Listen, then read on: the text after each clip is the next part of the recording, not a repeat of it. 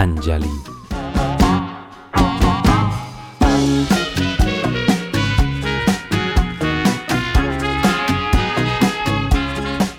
Vagis a peu, en bicicleta o patinet, ets al carrer Patanjali.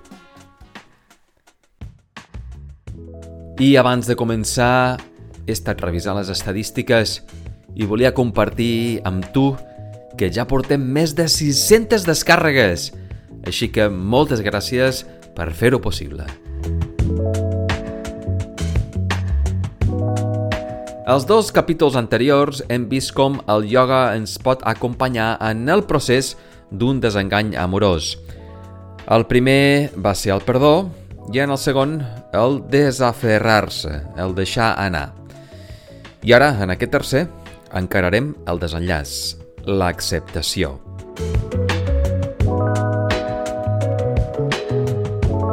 Em sembla que a tots dos, a tu i a mi, ens passa el mateix – aquesta idea, la de l'acceptació, no ens acaba d'agradar perquè sempre hi ha un rau-rau que fa que sigui un concepte fàcil de plantejar però difícil d'implementar.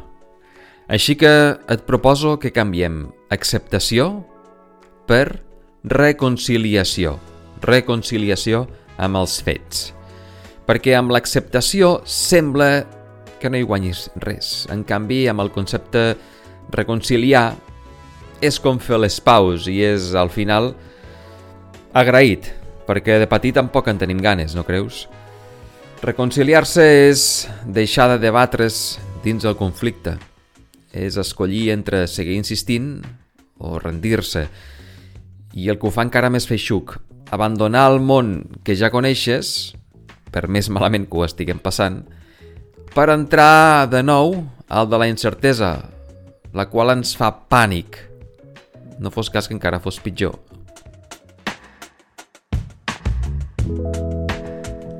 Reconciliar també vol dir emprendre el camí per tornar a creure en un mateix, el camí cap a la plenitud, el camí que havíem abandonat. Reconciliar és, doncs, el desenllaç, és preparar el cor per a la nova vida i per reconèixer l'aprenentatge que ens hem endut. Volem tornar a sentir la pau interior, l'alegria, voler tornar a sentir-se content, contenta. Doncs bé, una vegada més, el ioga ens pot acompanyar en aquesta fase, perquè el cor es prepara amb el cos. Un cos dret i elàstic és la imatge d'un cor sa. Per contra, un cos descuidat o inquiet és sinònim d'un cor endurit, un cor tancat, un cor que no està preparat per al procés de reconciliació amb un mateix.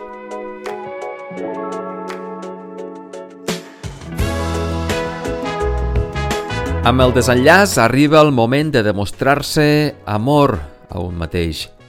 Practicant ioga cada dia, el cor es prepara per retrobar-se amb un mateix, per obrir-se i per oferir-se, perquè de tot plegat haurem après que, malgrat tot, haurà valgut la pena i que el cor sempre rep en la mesura en què ofereix. El quiosc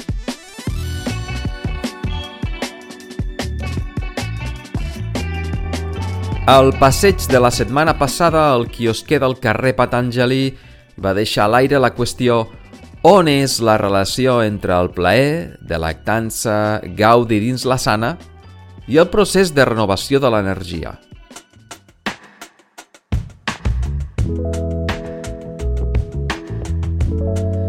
Per tal d'assolir aquest procés de renovació de l'energia, és clau que connectem la ment amb el cos – ja vam explicar en episodis anteriors que és difícil que la ment obeeixi la nostra voluntat.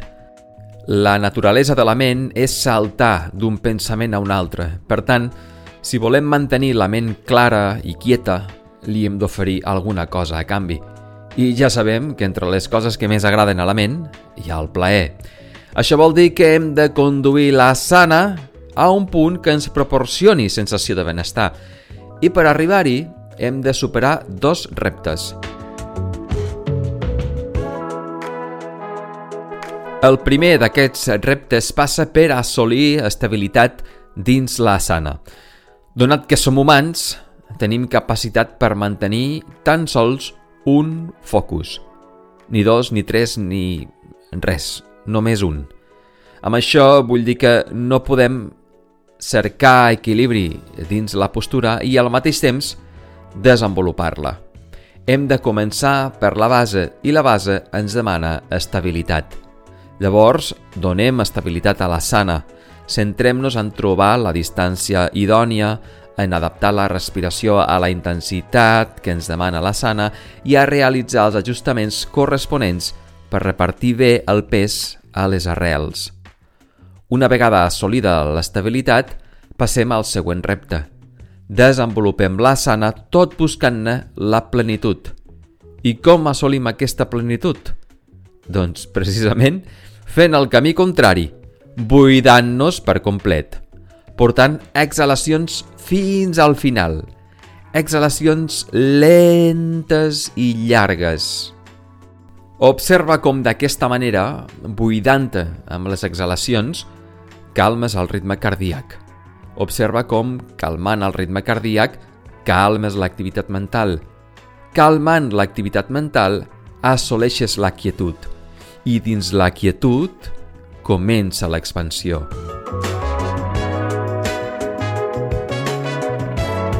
I vet aquí una altra contradicció aparent.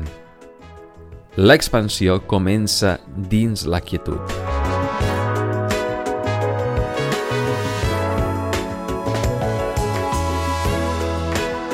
Els teixits alliberen resistència i s'expandeixen, i de manera pràcticament immediata també s'expandeix la ment, com si s'hi veiés reflectida.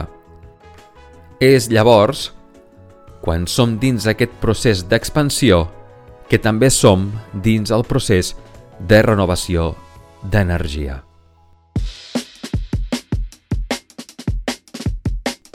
La sana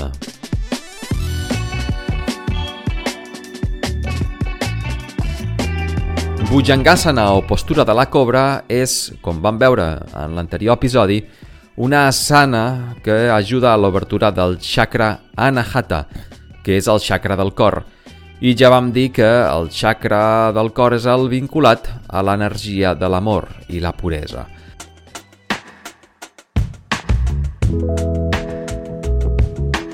Bhujangasana és una asana delicada, hem de tenir en compte diversos punts perquè de no ser així podríem danyar la zona baixa de l'esquena, les cervicals i fins i tot els canells i les espatlles. Així que hem d'anar alerta.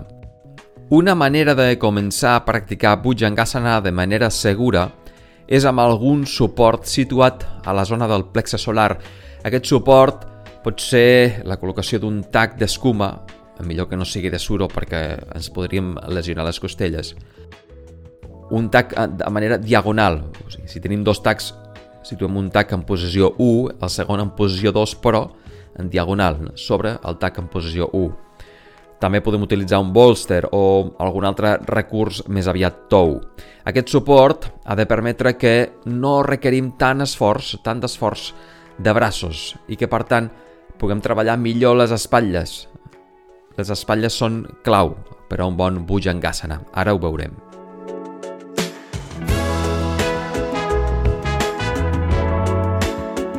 Per altra banda, una vegada som estirats de boca a terra, activarem les cames, sobretot els glutis, perquè d'aquesta manera protegim la zona lumbar. A Bhujangasana, la zona lumbar no ha de treballar. Si notem tensió és que alguna cosa no acaba de rotllar.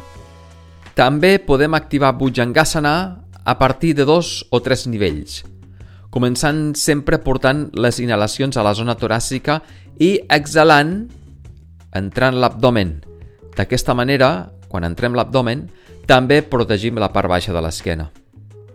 Procurarem que l'arqueig de l'esquena tingui lloc de la zona dorsal en amunt.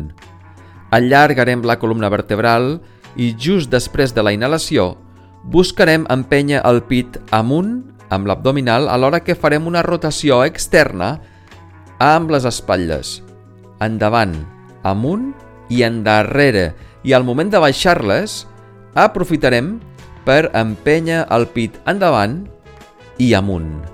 Aquest fet propiciarà un canvi de forma a la caixa toràcica que facilitarà l'arqueig de la zona dorsal.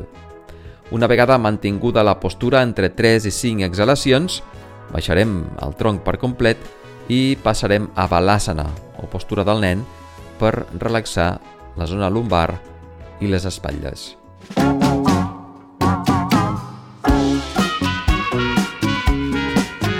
I fins aquí el passeig pel carrer Patanjali. Fins la setmana vinent. I recorda que el divendres 19 de maig, a les 7 de la tarda, tens una cita a la sala Spirit Sadhana School, al carrer de Casp 118 de Barcelona. Per més informació, pots contactar-me a través del canal d'Instagram Carrer Patanjali. Una abraçada, Namaste!